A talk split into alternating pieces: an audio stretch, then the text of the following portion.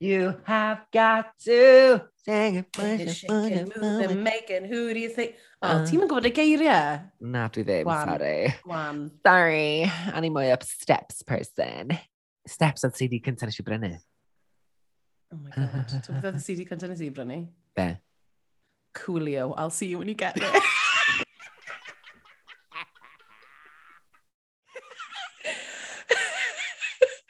12-year-old in Aberystwyth. Yeah, this is my vibe. Ar cassette. A, wrth gwrs. Okay. Oh my so gosh, ti, amazing. Mae'n ti ddangos pa mae'n hen ydw i meilir. Croeso i bennod ar Athol Cwys, efo fi, Meilir Rhys Williams, a ein baby spice ni, Mari Beard. Oh, diolch, mei. Mae gen i um, pigtails mewn heddiw, so dyna pan fi'n edrych fel Emma B. Ond, ond, actually, posh o'n i. So. A fi, mae lot o... Yeah. Yr ysgol, a neb eisiau bod yn posh. A dyna pan mae'n eisiau bod yn ni. Ond mae lot o actor friends fi i gyd yn deud nhw oedd posh hefyd. So dwi'n meddwl, ni oedd ar yr outskirts, ni oedd eisiau, ni oedd licio bod yn posh. Ne? Ie, yeah, o da fi ddim lot o ffrindiau, wedyn nes i wneud ffrindiau, nath nhw weid ti yw posh, o'n i fel, oh, I'm in, okay, great, whatever. A wedyn nes i torri gwallt fi edrych fel hi, oh, drian o fi, drian o fi. Let's get into it. Reit, da ni'n dechrau'r benod. Oh, guys, dweud, what, a, what an episode. Oh, y penod perffaith fi'n credu, ond we shall, we shall discuss, we shall discuss. Yeah, we shall discuss, we shall save it, save it, save it. Da ni'n dechrau'r benod efo rŵc a bwrwthnos dwytha, efo Scarlett Hallett yn ennill, uh, ennill y benod, ac yn, yn uh, lip-syncio mae Vanity a Veronica Green. A da ni'n ffarwelio efo Veronica Green, mm. Drian. A wedyn ni'n nôl yn y workroom, dyn ni'n gweld y neges mae wedi gadael. The party might be over for me, but I'll see you all in the after party. Oh, my love, Veronica. Mae ah, pawb yn eitha shell-shocked yn unrhyw bod wedi mynd. Um, mm. Achos mae fe'n eitha big thing bod hi wedi mynd. A mae vanity sort of yn, yn troi rownd y gweud I'm not a bitch to be messed with sydd yn I tend to agree gan bod i danfon dau Queen Adre yn parod.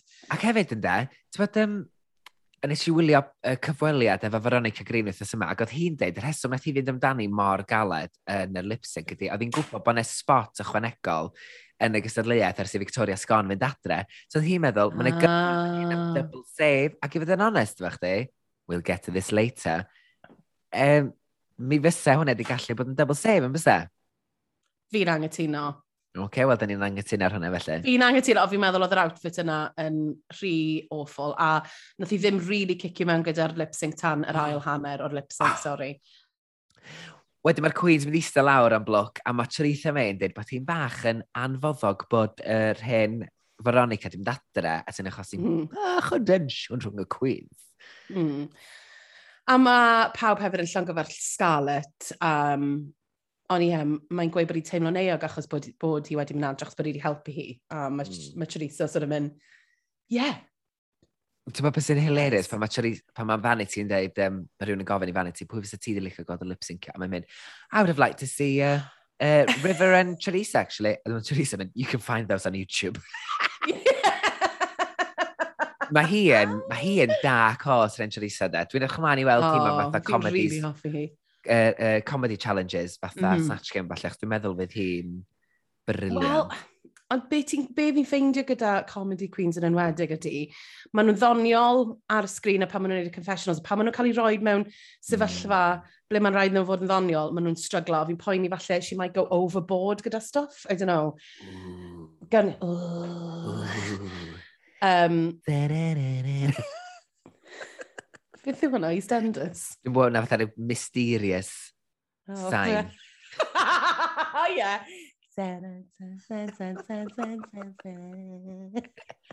O'n i hefyd, o'n nes i rili licio sut nath um, Vanity pan oedd rhywun mynd, pwy ti'n meddwl dylai wedi bod yn y gweilodd, oedd hi'n very diplomatic. Mm. Ac yn gweud, sy'n ni wedi licio gweld y ddwy yma yn lip-syncio. Yn hytrach na gweud, dwi'n meddwl dylai chi wedi bod yn y gweilod. I yeah. I like that. Yeah. She looked great, you know? Mm, very nice. A wedyn ni, ni'n mynd mlaen i'r diwrnod cynta yn y workroom, ble um, mae pawb wedi mewn yn deud... Ti wedi sylwi sy'n mae pawb ni cotia? Ydw bob tro, freezing, absolutely freezing. Absolutely freezing, yn y diwrnod. bob tro. Mae Scarlett, mae'n dwy got, mae'n mae'n dwy teddy bear cot. mae rhaid bod hi'n freezing na te. Mae rhaid. Mm. Mm. Um, ond mae pawb yn mynd rwy'n y bwrdd ac yn llongyfach Scarlett ar ei rhyw Peter Badge. A wedyn ni, mae pawb yn sort of troi ar, ar river fel, ha, you're safe, what are you going to do? A mae Scarlett yn sort of mynd, do you really want this? Mae ma, ma, ma Scarlett yn neud hyn dipyn fan, mae'n mynd i, mae'n mm. troi yn enwedig tuag at river. Fath o bod yn yeah. rhyw ddyletswydd uniongyrchol iddi hi fod yn coachio neu'n neu trio i, ddim yn gwybod, i thorri hi. Ond dweud, well, I don't, weird. Be nath i ddeud, um, I don't see the passion in you. You need to show it. Yeah. And you keep... You, you know, so, pan ti'n pwyntio bus, mae'n y bedwar yn pwyntio nôl. Na, un, dau, tri. Tri yn pwyntio nôl. a rhaid i gyfri bysydd fan'na. Wel, esi, oedd yna'n mad. Fi'n cweud yn deall beth ti'n meddwl, mae yna dri yn pwyntio nôl. Wel, dal dy fus di fel pan ti'n pwyntio bus at rhywun, mae gyda un yn pwyntio tuag at y person, mae'r tri arall yn pwyntio nôl at eich di. Oh, wff! Yna na bod ni'n clywed, Yoo! Ac mae'r Queens yn rhedeg draw at y teledu i glywed neges. Her Majesty... Dyr... Oh my god, dwi'n gallu neud hwn! Her Majesty dyna already... E? Her Majesty... Dwi'n gwybod, Her Majesty dyna already had done had her, sis. There we go, I did it then. Oh. Okay, um, da iawn, da iawn. Hey, sis! Now, to avoid getting the chop, the UK's next drag race superstar needs to really pop because ain't nobody got time for no messy bottom. So you better do what you gotta do to make it to the top. Ooh. Ooh. A wedyn ni, mae rhyw Paul yn dod mewn yn edrych fel The Milk Tray Man. Ac yn gweithio ni taw um, yma, y pop group challenge maen nhw am wneud, sydd yn really exciting. um, a mae'n rhaid i nhw ddewis tîmoedd, a gan bod Scarlett wedi ennill, um, wrth ystwetha, a bod Vanity yn y gweilod nhw yw'r capteiniad, ynddo fe? Mm, a mae'n ma ma ma bach o bwysau ar, ar, ar yr benod yma wan, yn enwedig yn yr un UK, mm. achos mae'r mae'r ddwy gan ddwytha wedi cyrraedd y charts yn, do, yn yr, yn yr cyfresu dwytha, felly, you know, no pressure girls.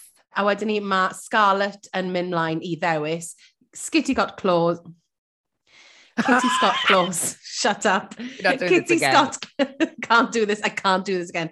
Kitty Scott Close, Charity Case a Crystal. Um, a mae Vanity yn mynd, yn mynd mlaen i ddewis Eleva Day, River Medway a Cherisa May yn olaf. Mm. Wel, nath i'n really dewis Cherisa May. Na. A wedyn mae rhyw Paul yn deithio ni bod yr ddau grŵp wedi fod, fod yn recordio yr un un gan, ond efo mixes gwahanol. Un ar enw Top Pop Mix a'r llall ar enw Power Butter Mix. Um, ac enw'r gan, wrth gwrs, ydy BDE, Big Drag Energy. Ti'n gwybod beth oedd BDE?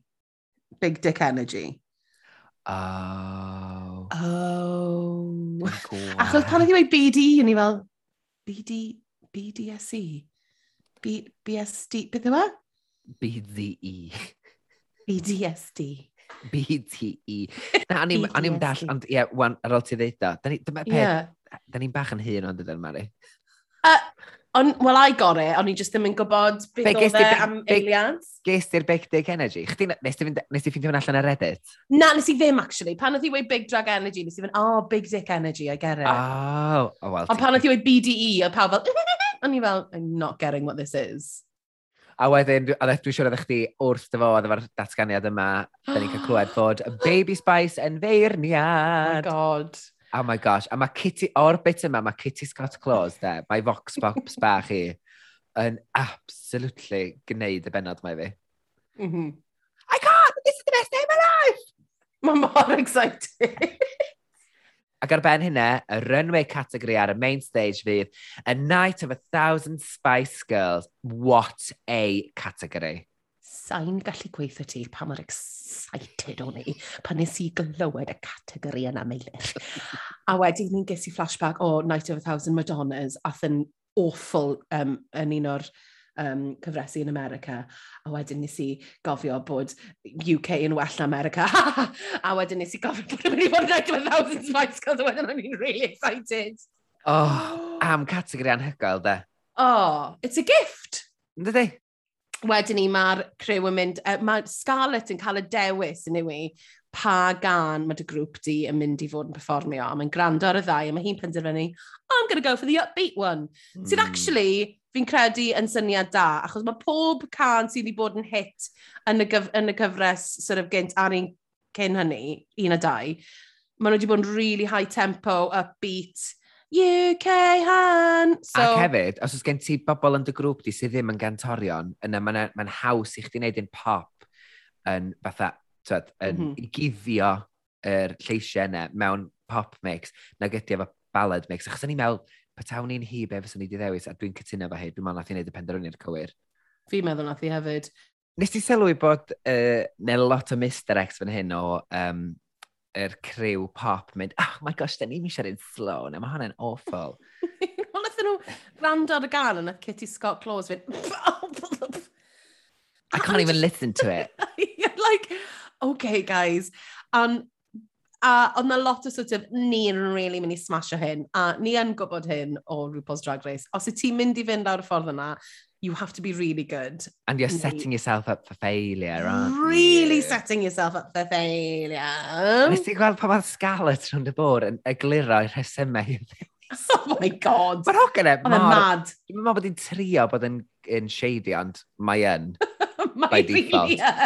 so the reason I chose you is um, Kitty because you're in a girl group, Charity because you're more like kooky-ish, if that's the word. that's the word. Kooky. A wedyn mae'n mynd, and Crystal, because you're like the gorgeous, pretty, stunning one. I wanted to give, like, range. okay, deal. Thanks for informing us of your of your weird, boring decisions. that, okay, thanks, I think. Okay, great. Yeah, thanks, I think. I mean... Be ddeth ti'n feddwl o enwer grŵps? Wel, nes i, achos obviously nath uh, Theresa May weid, oh my god, pick and mix like Little Mix. A nath i weid yna cwbl o weithio fel, good, great solid name, fine. I mean, it's no frock destroyers, yw e. No. Ti'n byd fi'n meddwl, dwi e ddim yn particularly inspire unrhyw beth, ond to bit fine, it does the job. Ie, yeah. mae cyfeiriad at grŵp pop cyfredol rwan tydi. A na beth mae'r slice girls, it's a take. Oh. Mae siŵr bod Kitty, dim, eh, ddim Kitty, mae siŵr bod um, ie, yeah, mae'n siŵr bod Kitty ddim meddwl am fersiynau gwahanol o mhm. Spice Girls yn yr, yn yr, well, yn yr um, drag pop groups mae hi'n yma'n do. Sut ti'n meddwl? A wedyn ni, gethon ni suggestions fel Salt Girls, um, Spice Rack, Sugar Skunks, Sugar Huns. A ni fel, beth o? Guys! A wedyn ni'n fel, Slice Girls, yes, yeah, Slice Girls, yes, yeah. A ni fel, come on.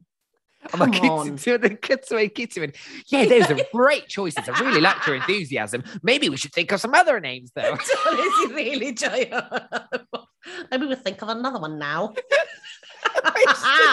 Comedy gold. Oh, mae wych. Beth sy'n digwydd wedyn? Gwdwgdwng. Mae'r drws yn agor, ond ydy rhyw Paul ddim yno. Pwy sydd yna? H, Claire, Faye and Lee from Steps. A geto, dyn ni'n cael cutaway arall i Kitty yn mynd yn exeitio ar bob un yn dod i fewn, ac yn mynd yn fwy fwy excited. A wedyn mae Lee yn deud, uh, Lisa couldn't be here, she is in Dubai. A mae o'n mynd, mae Kitty mynd, oh, Lisa's not there. Oh, well, fair play to you, Lisa. Have a nice life. oh, mor ffynnu. Oh, yeah, a, a H yn y, yn y rhinestone harness na. Mm. Gotta love it. Gotta love Get. it. Oh! oh! A ti'n gallu dweud bod H yn fan enfawr o'r rhaglen ag mm. oedd o'n barod ar gyfer gwneud arwain y dasg o'n dweud. oedd e fel, I am in the room. Hello pawb. Fi yw e H o steps. I am taking every second in. yes! A nes ti hoffi pan oedd yn fel, we're steps on the steps. A ni fel, o ie, da. Da iawn, yn doniol. A wedyn ni, ni'n mynd mewn i'r diwrnod recordio, i'r um, sesiwn recordio, a mae'r Slice Girls uh, yn dod mewn i ddechrau recordio. A mae Kitty, wrth gwrs, y smasho fe'n syth, o'n i'n meddwl, gyda rap. Like, she knew what she was doing. She came here for a job, a fi'n gwybod bod union beth fi'n neud, here we go. Yeah. Um, A wedyn, nes ti'n meddwl, rhaid, pan y Scarlett yn recordio, a oedd yn neud fi feddwl am fel advert pan ti'n... Ti dod mewn am 3 gloch y bore, mae'n advert fel gamblo arno ar y teledu, mae'n fel... oh, everybody's got it, Rili uchel a cockney, a ni'n fel, beth sy'n digwydd bod yn rili eitha oh intense. Oedd mi oedd yn intense, ac yr un heightened cockney character yma sy'n ganddi, da. Fi e glei. Oh, God!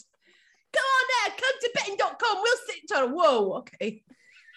Oh my gosh. A da ni, a bechod mae Crystal, di Crystal. Mae'n, o, dwi yn teimlo bechod dosti. Mae'n just yn teimlo mm. mor out of her comfort zone yma. A mae just, bob tro mae'n neud, o leo mae'n trio, a wedyn mae'n tries, oh, that wasn't good, was it? Bench of dying cats. Ie, nes i really mwynhau hwnna. Oedd hwnna'n foment oedd di dangos sort of, personoliaeth. Achos dyn ni'n wedi really gweld i personoliaeth i really, dwi ddim yn meddwl. Yeah. A hwnna'n rhan o fel, o, oh, allan ni fod yn ffrindiau fe hi. I mean, Claire mynd, I mean, she's not, I mean, it's not Celine Dion. Beth ti'n meddwl o, o take charity o'r gan ma? To be, yn y recordiad, nes i fynd, OK, she's giving us something different. Nath i roed fel lot o leisio gwahanol, nath i roi metal i ni, nath i roed fel Wicked Witch of the, of the West i ni. A o'n i actually meddwl, o, oh, sy'n ni wedi licio gweld hwnna, sy'n ni wedi licio clywed yr fersiwn yna, achos mae'n dangos rhan o'i phersonoliaeth hi. Mm. Um, a wedyn, nath, ond obviously nath, nath H sydd yn mynd, gwrando, mae rhaid i ni newid hwn fel bod yn cyd-fynd gyda'r gyda, gyda gweddill. A fair enough, ond o'n i'n meddwl, o, na drenu.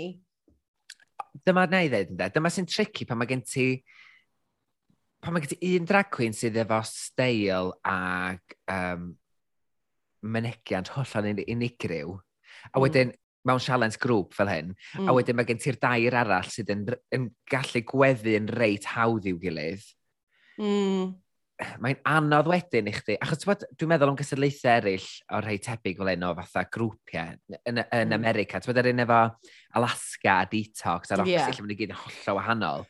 os di pawb yn hollol unigryw, mae'n hmm. gweithio, mm. ond os oes gen ti dair sydd yn debyg iawn, a wedyn just un sydd yn hollol left field, Definitely. Dam rili'n gweithio wedyn ati. A gweithio, dyma di'r unig beth dwi'n teimlo di, a mae'n digwydd yn y peth, ar, nawn ni'n siarad amdano yr, yr, yr, perfformiad y munud, yeah. ydy, weithio dy ddim o fydd i ti os wyt ti'n drag queen sydd yn hollol wahanol i just mhm. sticio mm -hmm. hynna.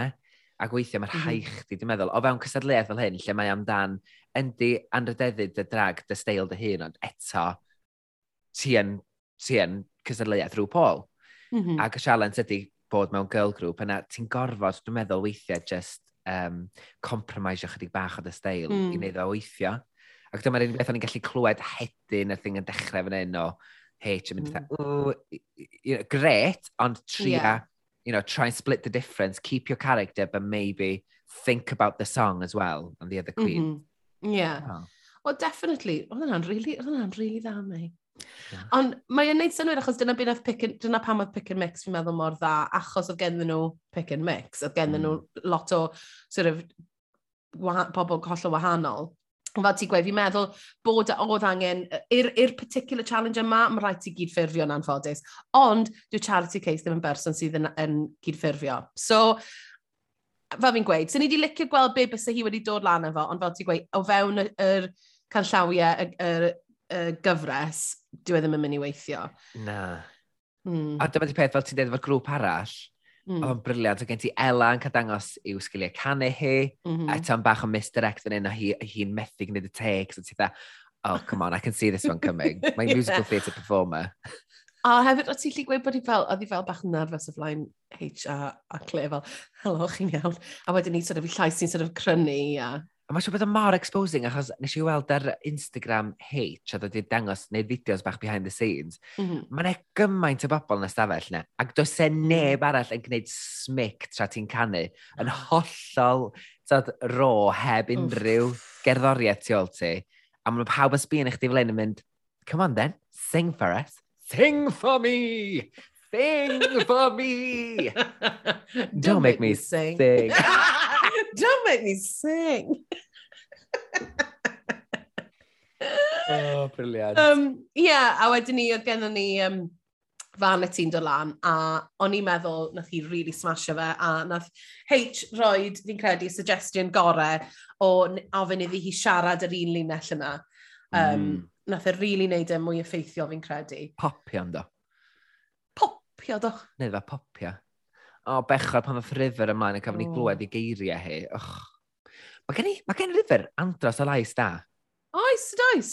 Oes, ond wrth gwrs oedd y stori'n cael fwy o'r hmm. fwy o'r uh, sylw fan hyn yn doedd. Am resymau mm -hmm. amlwg, bechod hi yn siarad am ei mam hi'n gwylio hi. Och. Mm. Oh, ond Oedden, hefyd... Ar foment yr rhwng hi a H. Oh, lovely, really lovely. Sydd so, gweud, wel, nes ti wneud yn oce okay i fi deimlo'n ffema i fod yn, mm. i fod mm. yn hoyw, essentially, yfe? Yeah, a hwnna'n yeah. foment really nice. A dyna, dyna, dyna pam mae steps ar y rhaglen y wachos o H, fi'n credu, a yeah. yr ffaith bod e byth i bod yn sort of closeted, a mae e wastad i bod yn eitha agored gyda, um, gyda ei rhywioldeb. So, o'n i'n meddwl bod hwnna'n really, foment bach really lovely. Mm. First CDI efo bod, si? Wel, na um, fel to. Na fe, twel. A wedyn, dyn ni cytryddau me. They, steps turned you gay. Steps turned me gay. It's the gay agenda, Mari. A wedyn mae Charitha um. May yn dod ymlaen ac yn gweiddi'r adlib Sbeineg yma sydd just yn hilarious. A mae'n mm -hmm. egni hollol wahanol, dydy? Mm. Mm-hmm. Ydy, totally. Fi nes i sgwennu fan hyn, Meilir, egni hollol wahanol. achos, achos mae fe yn, mae fe'n ma fe dod ar rhywbeth uh, mwy ysgafn ar ôl cael river yn sort of um, really agor i chalon, a wedyn mae gen ti Teresa yn dod mewn ac yn just yn... I need a siesta. Codyn ni fyny. Felly yn y rhan dawn show an, mae Faye a Lee yn eistedd yn barod amdanyn nhw. A'r cyngor mae Faye a Lee yn rhoi iddyn nhw, cyngor eitha, dwi'n meddwl, mae Faye yn deud, think of something memorable, like we did with tragedy, a wedyn mae Lee yn deud, ond gwnewch yn hawdd, fatha'r mm -hmm. er dwylo, bob ochr i'r pen, rhywbeth mae pawb yn mm -hmm. gallu gwneud, sydd yn gyngor da iawn, dwi'n meddwl mhm. -hmm. A 5, 6, 7, 8. Fi'n dal yn cofio. Dal yn cofio'r dawns yna. Nath nhw ddangos er Blue Peter, fi'n cofio. A nes i fynd, oh my gosh, fi yn dysgu hwn, a nes i. o, da ni'n gweld bod Crystal yn strygla eto efo'r choreograffi a bechod mae'n mae trio gofyn am help. A mae Leaf's like, no, no, you need to, you know, people are going ahead of the other people. gwybod. Oedd e bach yn, oedd e'n, eto sowing the seeds, fi'n credu tipyn bach, achos oedd e yn, pe? Bit pan oedd charity jyst dechrau cymryd drosodd a swirlio, wedyn mae Kitty'n dweud, calm down, Kate Bush. you can't even walk in time. oh my god, bloody brilliant. A wedyn mae Kitty'n dweud, I'm the Lisa Scott Lee of this group, and if it doesn't work out, I'll join Lisa in Dubai. Yeah, nes i really mwynhau hwnna oh god, a wedyn ni, um, mae ma nhw'n rhoi yr um, cyngor ar y diwedd fel if you mess up, carry on, and it's all about compromise a hwnna gyd. A fi'n meddwl hwnna yn bwysig iawn iddyn nhw glywed, actually. Mm -hmm. Eta plannu hadyn, fel ti'n dweud. Plannu hedyn. a wedyn ni, mae pick a mix, they're up. Nawr, achos yn y grŵp diwethaf, nath Kitty very much, mae'n fi sydd yn mynd i um, arwain y grŵp yma, fi'n gwybod be i wneud efo coriog fi, let's go. Ond yn y grŵp yma, nath neb really cymryd y rôl yna um, i wneud y dance routine. Ond na lot o sort of, um, what about um, this? And then maybe we put our hands there. Which way, which way, this way? Um, ond actually, o'n i'n meddwl nath e weithio mas yn eitha neis bod nhw gyd efo'i gilydd yn siarad yn be oedden nhw'n mynd i wneud. Oedd yn sort of, oedd dim power dynamic rhwngddyn nhw. Dwi'n meddwl bod posib gwneud hynny efo can arafach. Achos ti'n gorau mm -hmm. llenwi'r holl bars ma efo, neu repetition efo symudiadau. Na, ti'n iawn. Mm. It's elimination day! Mae'r Queens yn cyrraedd yn ei grwpiau ac dyn ni'n cael hmm. clywed bod Pick a Mix yn mynd i ddewis gwisgoedd du a mae'r Slice Girls yn mynd i fynd am ddillad arian. Okay. Ond, oed, mae Charity gweud, as long as we have a little, all have a little touch of blue, I think it'll be fine. Nath neu fi fynd, ond o'n i'n meddwl bod chi gyd yn gwisgo silver. Ie. Yeah. A wrth i'r dolls cael un yn barod, mae Ella a River yn sôn am lyrics River, um, amdan hi'n colli i fam ac yn siarad am siarad am i fam a, a colli hi Covid, fe, a oedd e just mor emosiynol. Nes i, nes i gael real good cry, achos oedd yng nghalon i'n mynd allan ati, ti'n mynd? Ie, yeah, ac mae'n siŵr bod lot o bobl sy'n gwylio yn gallu neithi efo hwn, a mae rhywbeth hynod o ddiweddar, hynod o gyfredol sy'n mm. digwydd ac yn dal i ddigwydd wan. Ac mae y wirioneddol yn gosod y gyfres yma yng nghyfnod y pandemig, fynd ydy, mm. o ran... Yndi. Um, oh, ie, fel ti'n dweud. Ac iddi fod wedi clywed bod hi'n dod ar y gyfres yma, Paid. diwrnod cyn i'w mam hi farw, Drian. Heartbreaking, really heartbreaking. Ond eto, rhyw Paul um, yn neud be mae rhyw Paul yn neud yn dda iawn, sef sôn am bynciau sydd ddim yn cael ei siarad lot ar y teledu a ddim yn cael ei siarad. Siarad am galar, ti'n modd, a bod yn hollol onest amdano fe. A oedd y chat yma yn really bwysig eto, a oedd yn rhywbeth, fi'n credu, oedd yn really lovely i, i glywed. Den, den, den, den. Den, den, den. Den, den, den, den, den, den, den, den, den, den, den, den, den, den, Nes i really hoffi fe, ond i'n meddwl bod e, yr er cut-out, sort of waist and beautiful, yr wig mawr gyda ponytail, ond i'n meddwl bod hi'n edrych fel 90s pop dream. I loved it. Oedd o bendant yn ffitio thema ar wythnos. Oedd hi'n ffrog, mini dress, velour neu velvet, um, mm -hmm. lilac iridescent ma. Efo rhinestones di glitter na ma. Oedd hi'n mm. cute, with lush, ar gwall, Yeah. Oedd hi'n lyfio'r gwall, yr white ash blond crimp mawr yma. O'n i'n caru fe. Oh. A wedyn ni, oedd gen ti Michelle yn dod allan eto fel mam yn y briodas. Sorry. O'n i'n lyfio'r ffrog yma. Oh, Dwi wedi sgwennu lawr o'r diwedd gweld hi'n ôl. Ti wedi gweld y ffwl, ffwl, ffwl? Do, nes i weld hi'n dod lawr y runway. Fi just ddim yn hoffi'r llewis na. Mae just, na. fi dde, don't get it. Okay. A wedyn ni, pwy sy ar y diwedd? Heblaw Alan Carr, we'll skip Alan Carr yna. We'll again. skip Alan Carr, we know Alan Carr is, fa is fantastic. Fi caru fe. Yes. Yeah. But. A wedyn ni, Emma Bunton. Literally yn edrych fel bod wedi gwerthu, ie, yeah, naid yr un diafol am y rŵ wedi, achos mae'n edrych yr un oedran, oh. a ah. mae hi nawr ag oedd hi yn... Pan... Ti'n cofio gan... Um, Maybe I'm in love. Yn Do. She looks the same age. Ond hefyd, How was that? It's very subtle ag... Subtle yn y ffordd fatha ti'n gallu deud, and eto rhywun pretty, obviously, she's had work done.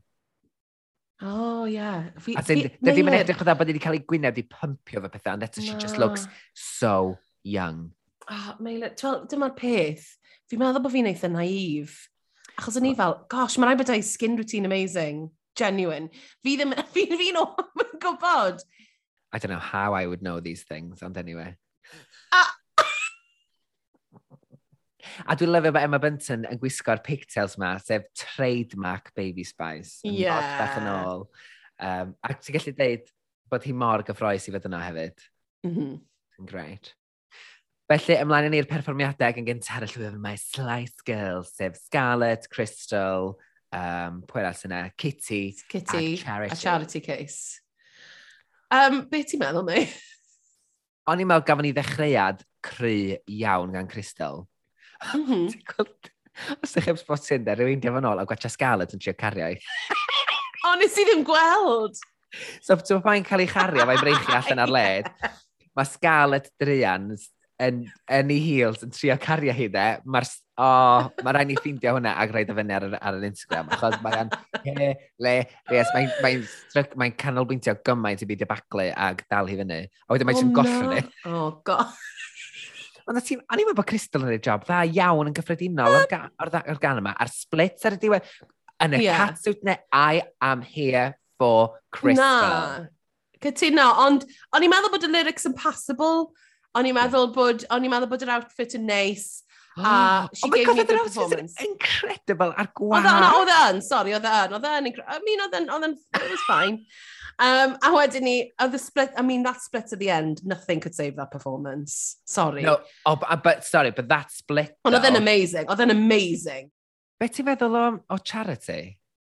Uh, Wel, eto, I mean, y broblem mwyaf efo perfformiad charity oedd hi'n edrych fel sort of um, Sharon Needles does Dorothy, i gymharu ar gweddill oedd yn, sort of, yn yr silver yma, oedd hi'n gwisgo glas, a oedd hi gwall, fi'n meddwl, os bys ei di wneud gwall blond a make-up bach llai severe, falle bys hi wedi ffitio mewn, ond eto, dim dyna be mae Charity yn neud, dim dyna yw i drag hi. Felly nes i sort of maddau hwnna iddi hi, ond wedyn ni oedd yr lyrics, ond i'n meddwl bod y lyrics actually yn really dda, O'n i'n meddwl nath e roed lot o o'i phersonoliaeth hi iddi hi. Ond, I mean, it was fine. It was a fine performance. A tyna rhyw Paul yn dweud wedyn, fatha, bod yna rei pethau... Yeah. Nes, nes i fynd yn ôl i wylio ar ôl i rhyw Paul dweud, ond y bethau ddim yn siwtio, neu ddim yn gweddu mm. gan, neu ddim yn addas. Mae ma, ma Kitty, ma, sorry, mae Scarlett yn mynd ymlaen i ddweud going in raw. Mm. A nath y neb ddweud dim byd am hynna. Ac o'n i'n meddwl, going in raw gets away with it, but saying I'm a, I'm a bottom, but I, I end up on top and beth, is yeah. not. No. Oh, come on. Fi'n gwybod. Calm down, well, is it? Mae ma rhyw ddim yn hoffi. Ni, ni, ni, Mae'n eitha amlwg, mae rhyw is not getting what charity is selling. Dwi ddim yn hoffi. A cutaway, yn dydyn, ni'n cael cutaway rhywun, kind of fatha sbion feirniadol â ni. Dyn ni cael cutaway o'r eiliad cynta o Michelle yn mynd, hmm, beth sy'n digwydd yn hyn? Mm. Oh, okay, hmm. come on guys, give us a chance. Yeah. A wedyn ni, wrth gwrs, mae um, Oh, Scarlett yn dod arno. O'n i'n meddwl bod i lyrics sy'n rili really dda. Ond dyma di peth da, ti'n mynd yn can fyw, ti'n lip-syncio. Just keep going, just keep on going. She tried. Ti'n gweld, ti'n trio scramble on ôl. Mae ma coll anghofio ble wyt ti mewn sefyllfa fel yna yn worst nightmare. Fi'n cael yr hyn llyf yna yn wythnosol. A ti'n gallu gweld, trio ffeindio'r geiriau, deer yn y headlights, a wedyn ni mae'n mynd, mae'n sort of rolio i llygad, achos mae'n mynd, of course I've done this. Fi'n mm. dea fi deall yr emosiwn yna yn iawn, a wedyn nath i really gael ei ratlo am yr holl beth. O'r foment gynta, nath y gan ddechrau, dwi'n meddwl, oedd hi gam tu ôl o ran mm. trio dal fyny fo hi hun drwy'r holl beth. Pan oedd hi'n cofio'r corio i gyd, oedd e just yn, oh, oedd yn rili really dod colonis i weld i, o'n i teimlo'n teimlo wael iddi, ond she failed. Ac at least uh, she failed gloriously. Dyna ddim... Do. Dyna ddim amheuaeth yn hyn. bod Scarlett wedi methu gradurus. Ond rhywun nath ddim methu oedd Kitty. Ac oedd hi mor braf gweld hi yn cael ei moment o flaen Baby Spice. Mm. Oedd, oedd e'n really, really nice. Nath hi ddod allan, she gave us what, she, what we wanted. Dyma be ni o'n i eisiau. Nath hi ddod yr egni oedd angen gan bawb arall, a fi'n mm. siŵr os oedd pawb arall ddod yr egni yna a wedyn ni ar ôl hynna, nath ni cut nôl i'r grŵp arall yn y fan, a ti just troi i bab yn mynd, I'm not really sure what that was. Mewn y moment shady iawn, o'n i'n meddwl. Ond, Ac hefyd perig cyn i ti fynd ar y llwyfan dy hun. Oh, yeah. No. A wedyn ni, um, mae pick a mix yn dod ar y llwyfan gyda yr ballad, um, mid-tempo ballad yma. A mae Ellen dechrau off yn yw i, yn dod allan, And if there was any doubt, the professional singer that she is, mae hi'n dod allan efo'r llais amazing. A nes i sylwi, nath nhw dorri ffwr o Ella pan nath hi neidio fyny split i hun a codi fyny yn syth o'r split.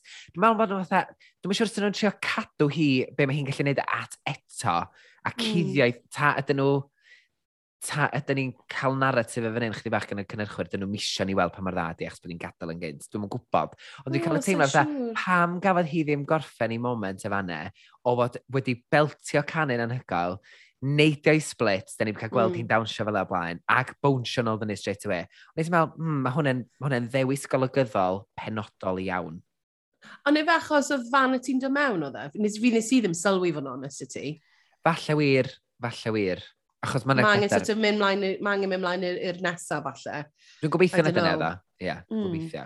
Ond nes i really fwynhau Vanity, gys i croen gwydd Mari'n gwrando ar Vanity, ond i'n meddwl bod hi'n wych, nes i licio yr uh, change, o, uh, change o pace oedd yn syth efo hi. Um, a pan oedd hi weid y linell, o, oh, fi'n disgwennu fel awr, um, am... Your skin won't define who you are inside. Ie, yeah, yn union, yeah. y, y llinell yna. Yr un nath, nath um, H weid wrth i i ynganu, heb ganu, a o'n i'n meddwl, oh, spot on. O'n i'n meddwl bod yn amazing, si really licio i lyrics i, a'i licio mm. i, i vers hi. Ac oedd hi'n neis cael clywed River yn canu wedyn hefyd. Llais mm hyfryd, ac nes i ddallt bob tamed, oedd yr judges yn amlwg wrth i bodde efo'r neges. Mm. A nath i wneud e mewn ffordd rili really ysgafn a ffyn. Mm. So, to, hmm. be, be oedd hi'n canu amdano yn eitha deep ac eitha, tyd, um, heavy, ond nath i sort of skipio i ochr arall y llwyfan, oedd hi'n canu, oedd hi'n really nice and light, o'n i'n meddwl bod yn really nice. A wedyn ni, Cherise yn dod allan, nes i garu pan oedd hi ddod allan. Be oedd yn neis am y gan, oedd y gwahanol pace o ti'n cael efo pob un ohonyn nhw, oedd nhw ddim yr un peth, dim un ohonyn nhw. O, oh, o'n i edrych ymlaen am y dar nesaf yma.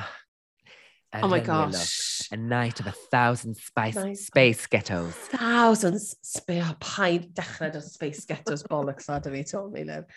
Um, cynta yn dod lawr. Y runway. Crystal Versace. Yn oh, gwisgo... Um, my oh, paid. God. Oedd y look yma yn anhygoel. Oedd, oedd e. Ond mae rai, it's, it's amazing. Achos eisiau nôl i sbio ar um, er wisg gwreiddiol gan Emma. Chos mae Emma'n deud later on, deud, I, I've, I've still got that coat, and, it's, and it doesn't look as expensive as that, neu beth mae'n deud da. Ie. Yeah. O, o ba oh. fideo, efe Two Become One yw e? A mae'n gwisgo fo on tour hefyd.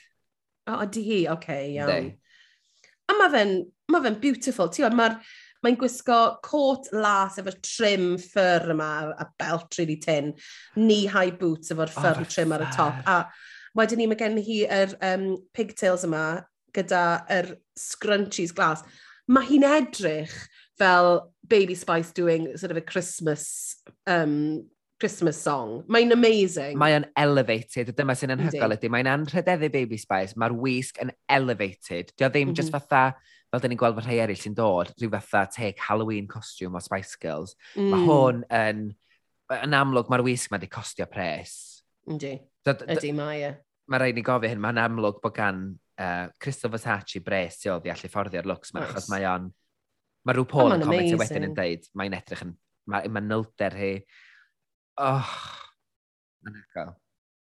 Wedyn mae Charity Case yn dod ymlaen, uh, a mae hi wedi dewis uh, cymeriadu uh, well, wedi cael ei ysbrydoli gan Scary Spice Mel B.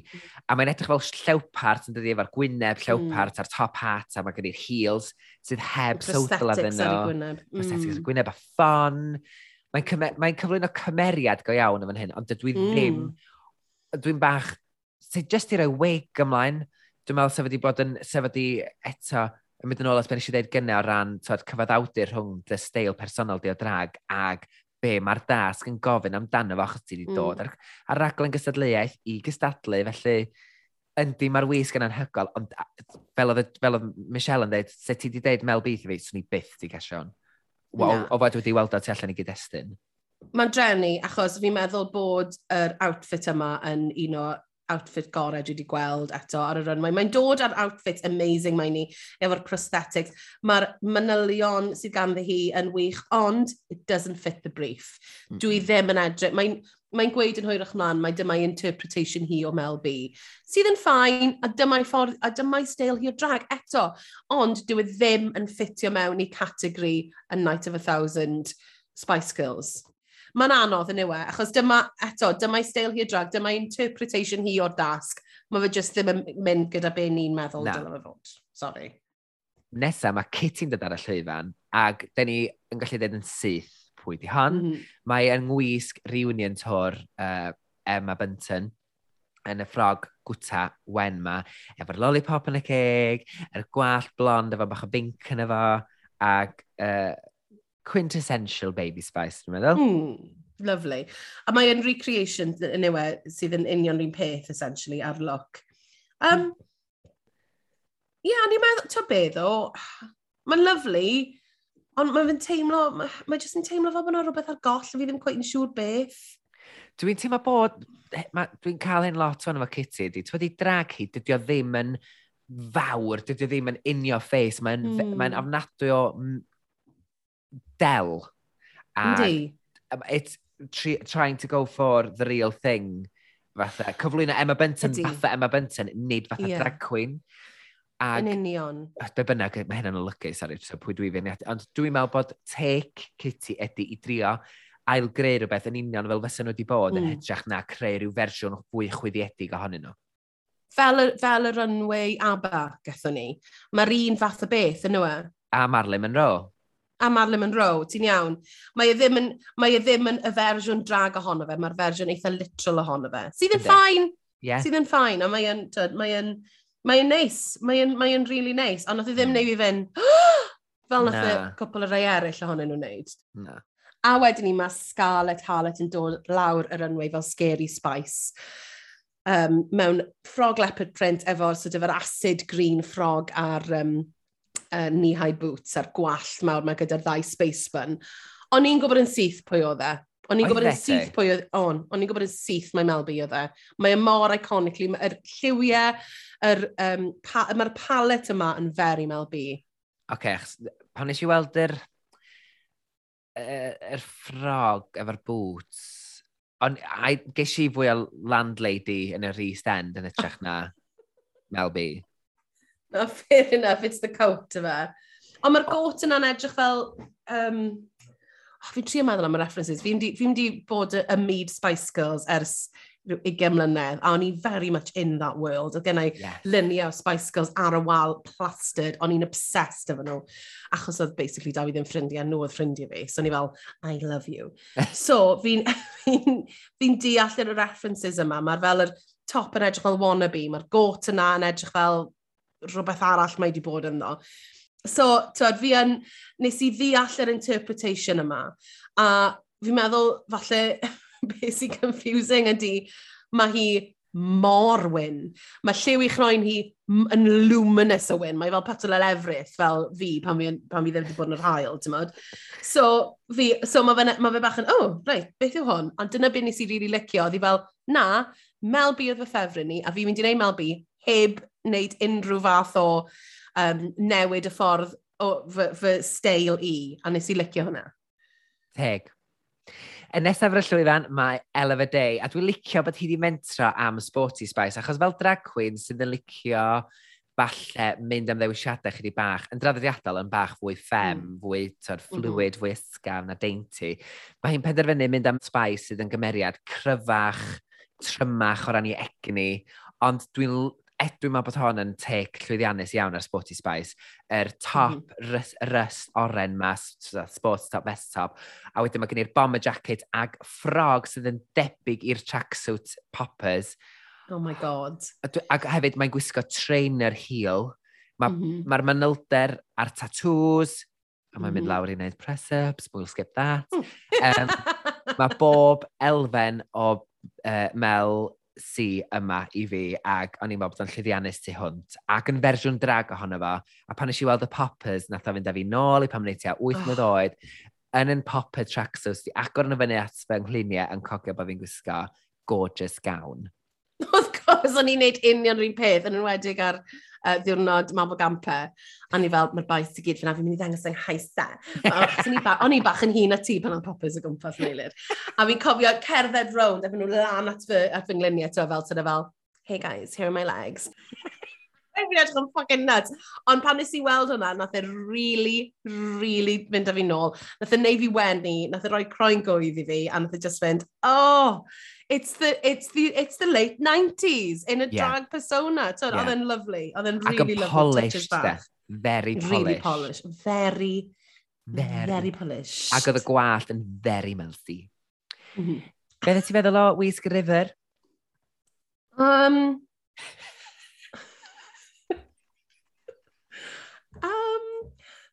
Mae fe'n edrych fel rhywbeth falle byse Jerry wedi gwisgo yn y dyddiau cynta, uh, cynnar o Spice Girls. Fi'n licio, mae'n mae gwisgo fel girl power sequined playsuit yn yw i gyda'r cuffs yma. Um, a mae gen hi'r wig mawr coch yma gyda'r dau bit gwyn ar y ffrant sydd yn very Jerry. Mm -hmm. um, a mae gen hi'r pen wisg yma sy'n edrych fel Tiara. Lady Liberty. Yeah. Um, the Statue of Liberty. A wedyn mae gen i'r sgidiau. Fi ddim oh. yn hoffi'r sgidiau. Oh. Maen nhw fel yn platform platform... Ond maen nhw fwy o fatha platform... Plats? Ie, yeah, platform fwy modern o bobl... Swn i'n gweld bobl fwy punk yn gwisgo hein rhwng Camden, neu... Yeah. Dyn nhw ddim yn 90s platforms, maen nhw'n very much... Nagin. Emo platforms. Uh, emo platforms? Ti'n meddwl? Fatha... Fi'n gwybod yn beth ti'n meddwl. Swn i'n gallu neud y wisg yma i fynd allan ar Halloween.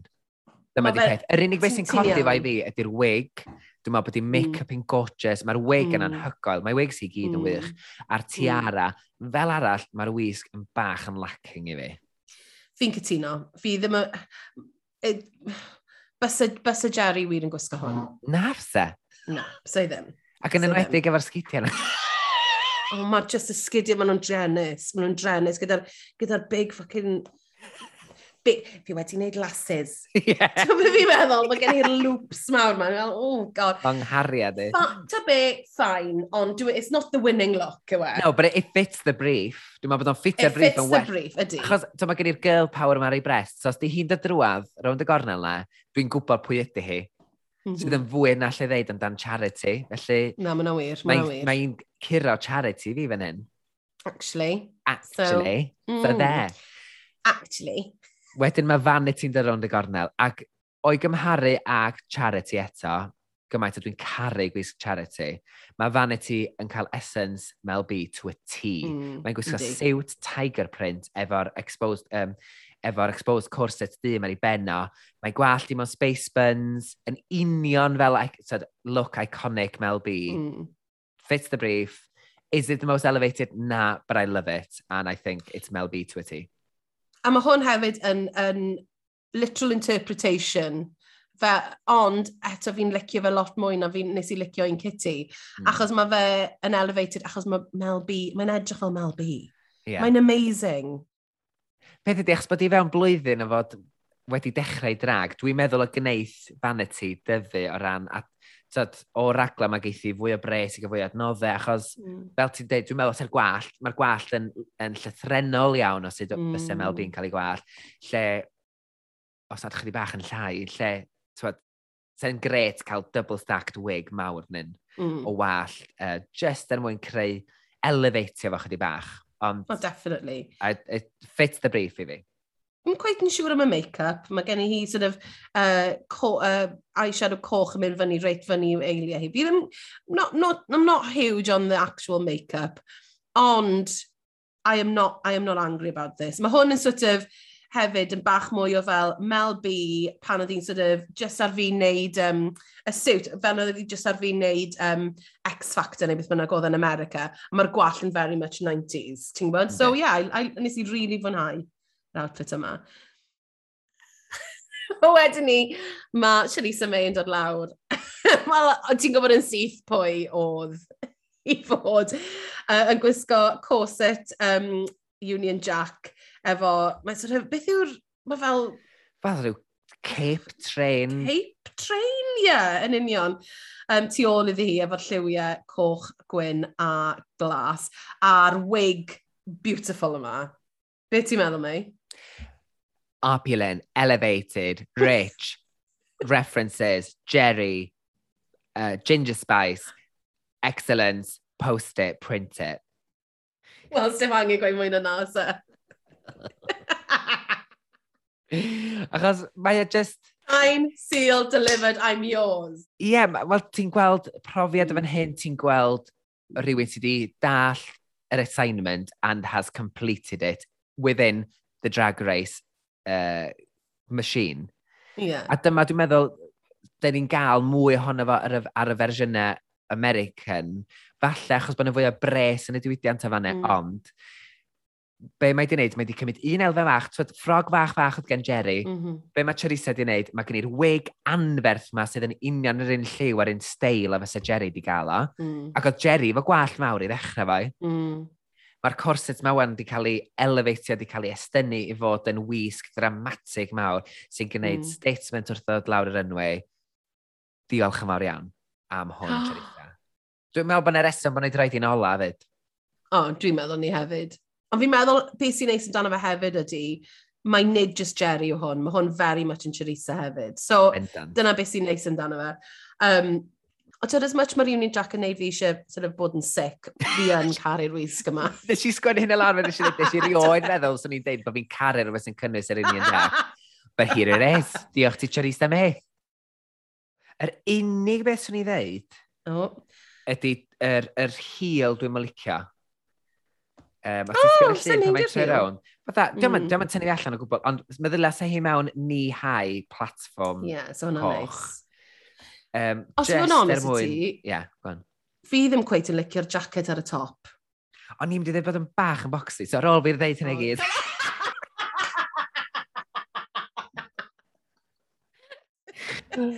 Ond y reswm dwi'n meddwl bod fi'n licio fo, ydy achos peth ydy, da ni'n licio gweld statements mawr ar yr enwau. Mm dydyn ni troi i wylio Drag Race er cael dianc o ddiflastod bywyd dydd i ddydd. dyn ni isio gweld fantasy, dyn ni isio gweld drama, mm. a this is it. Mm.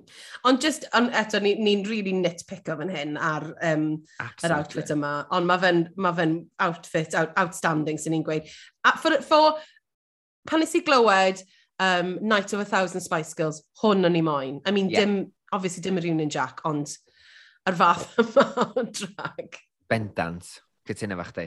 A dim posh spice. O'n i'n hynod o siomedig. Fatha, dwi'n meddwl bod pawb wedi meddwl, uh, unau, o, oh, mae hi'n boring achos na di a ddim wisgo. Yeah. Neu maen nhw wedi mynd, o, oh, bydd pawb yn amlwg wedi mynd am uh, posh spice. O, oh, bys ti di... Pa, pa look bys ti di wneud o posh spice? Um, ww, good question. Erin Lleder. O, oh, yeah, nice. Ond un, ond un fatha Hang high on. fashion. Yr un lleder, as in, o, oh, fi'n gwybod, yr un yn yr, um, uh, yr, yr fideo na mae hi wedi gwneud. Efo siaced, un... neu de, ti'n yeah. yr, yr, camo look yn yr ffilm. Nice. O'n i'n syni bod neb wedi gwneud y camo look o'r ffilm, achos mae honnen... Yeah. I don't know, it was very... Iconic. Iconic, yeah bys ni'n neud, bys ni wedi neud hi um, pan oedd gen fi, i just i dechrau mynd allan gyda fel David Beckham, oedd gen hi'r gwallt byr, byr, byr na, mm. spiky hmm. tops a fake boobs oedd yn edrych fel pale droid. Nawn ni roed, Love... um, oh, nawn ni roed oh, side by side o fi pan nes i dorri'n ngwallt i fel e. Oh.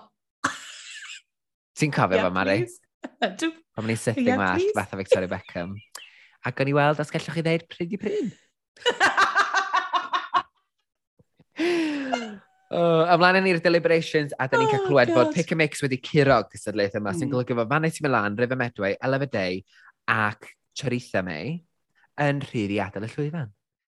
Ac yn y gwylod mae Slice Girls, sef Crystal Charity, Kitty a Scarlett. Mm. A am y tro cyntaf, achos bod yna pedwar ohonyn nhw, dyn ni'n cael clywed um, critic gan y beirniad, i'n go iawn, efo bach, y ti'n clywed pob un, a ti'n clywed beth mae pawb yn gweud amdanyn nhw, neu jyst un llinell fel dyn ni wedi bod yn cael, achos bod yn gymaint ohonyn nhw. Ond dwi'n falch de, efo hein, o'n i'n disgwyl bod yn bach yn annoyed fel ydw i weithiau pan maen mm. ma nhw'n pigo un lein, fel ti'n dweud, gan bob beirniad i, i, mm. i ddangos yr critiques. O'n i'n licio bod nhw'n lot fwy adeiladol efo nhw ac mm. yn, i'w, yn i'w annog nhw fwy yn hytrach na just dweud, ti dyn hyn ddang, ti dyn hyn. Na, then, achos oedden nhw'n gwybod, ti'n mynd. Yn enwedig gyda Scarlett, oedd e just yn, o, oh, nath i just dechrau crio, dechrau gweud sori. A wedyn mae ma RuPaul yn gweud, you have an opportunity to become reborn. And then you let it go.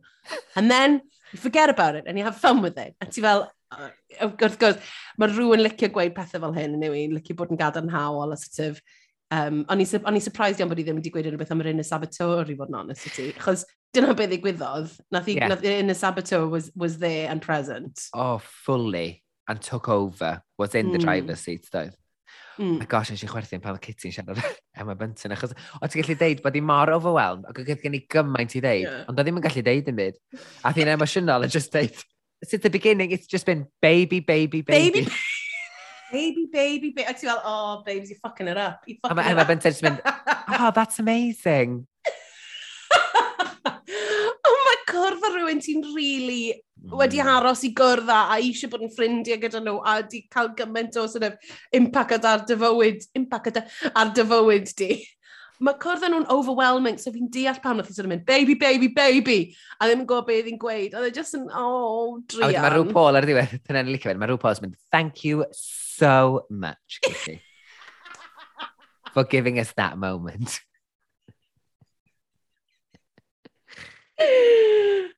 Nôl ni Ian Tucked ag mae Ela'n difyr yn dweud all of the badge holders are on the stage. A ni'n meddwl, oh, mae hynny'n mm mor juicy reality TV. Yr ffaith bod all the winners and now, all the tops are now bottoms. And the bottoms are on top.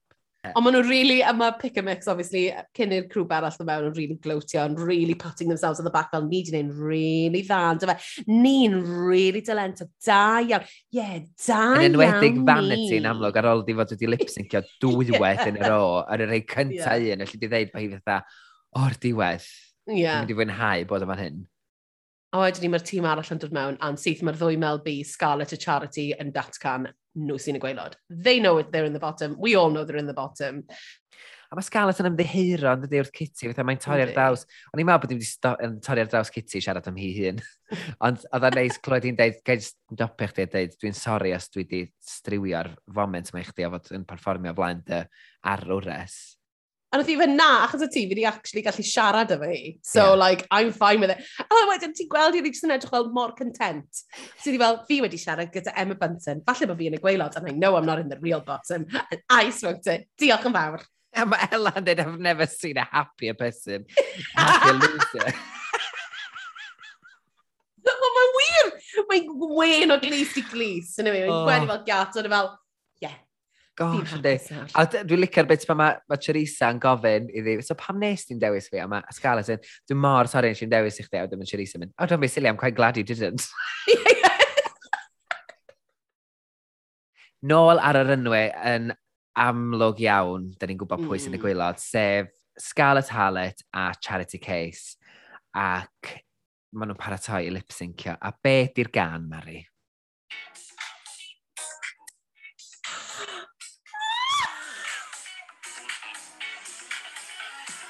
who do you think you are gan y Spice Girls? Oh. Um, Meilir, Meilir, nes i anghofio. Nath yr episod yma dadgloi rhywbeth ynddo fi, Meilir, nes i anghofio bod yna. Real passion a yr this love am y Spice Girls, nes i anghofio bod yna, a nes i, nath y gan yma ddod arno, a nes i fynd, fi'n cofio'r moves i gyd. Fi'n cofio moves i gyd. Fi'n cofio pob un lyric. Fi'n mynd i fod yn gwrando ar y gan yma on repeat. Nes i really wynhau y lip-sync yma. A nes di sy'n meddwl gymaint, a wedyn nes i textio ti yn mynd, efe, achos bod fi'n hoffi'r gan gymaint yw e. A nes i wylio fe eto, a na, nes i really fwynhau y lip-sync yma, actually ar wahan i'r un pwynt weird na pan y Scarlett yr allan efo'r handkerchief oedd yn edrych bod hi'n sort of waving the white flag ar un pwynt. Dyn ni'n meddwl, beth sy'n digwydd? A wedyn ni, I think she got it together dyna, Dwi'n cytuno fe chdi, hwnna di'r unig dar, nes i fwynhau'r lip sync yn ofnadwy. Was it the best lip sync I've ever seen? No. A wedyn pan nath uh, Scarlett dynnu'r hancus allan, o'n i'n meddwl, oce, okay, mae'n efomet fan hyn, dwi'n chi bach o gomedi, dyn ni licio bach o comedi. A wedyn nath i just troi rownd, ac oedd i just yn talu sylw i charity drwyddo fo. Mm. Fel ti'n dweud chwifio ni, lle sef di chwarae, dwi'n siŵr sef ti'n chwarae fe fatha cath, dwi, ta be, ond fatha, oedd yeah, o'n mynd efo'r gan. Na, ac hefyd dan bach o disio, os ti'n wedi dynnu hankes allan, at least make it a drag hancas. that, that was a Kleenex. Up. That was a shriveled up sad Kleenex from backstage. Ond fi'n meddwl nath hi, she brought it back erbyn diwedd, a oedd gen hi'r egni nôl. Ond ti'n meddwl na di anghofio geiriau, di? ti'n meddwl yr holl, yr, yr hen drag tactic o droi'r cefn pa ti'n anghofio geiriau. Falle. A tynnu hankes allan o dda, ooh, look at the hanky don't look at me, look over there! yeah, classic there, point, ting! A o'n i'n meddwl bod um, Charity'n edrych yn amazing gyda'r holl stecs na'r i gwynebu a stuff. Tod, a, Oed. a, a, a ti'n sylwi ar, y, ar yr um, sort of rhinestone acrylic nails oedd yn edrych fel cryfang. Oedd yn amazing! A be oedd yn, be oedd yn really nice actually gyda charity, oedd ti fel, a mae hwn yn neud synwyr i fi. Mae'r hmm. look yma yn neud synwyr i fi. Dim mewn context Spice Girls, ond hi yn ar hyd y llwyfan yn down... O'n i'n meddwl bod yn amazing. Oedd oedd Artful Dodger um, mm. mixed efo, ti'n meddwl llwynog o'r ffilm Pinocchio. Um, oh, yeah! Oedd classic oedd he-he. Mae hwnna yn classic Dean Drwg sŵn. Wedyn, oh. mae rhyw Paul yn gwneud rhywbeth do'n i ddim yn disgwyl i fi wneud ac yn dweud bod y ddwy wedi cael ei achub.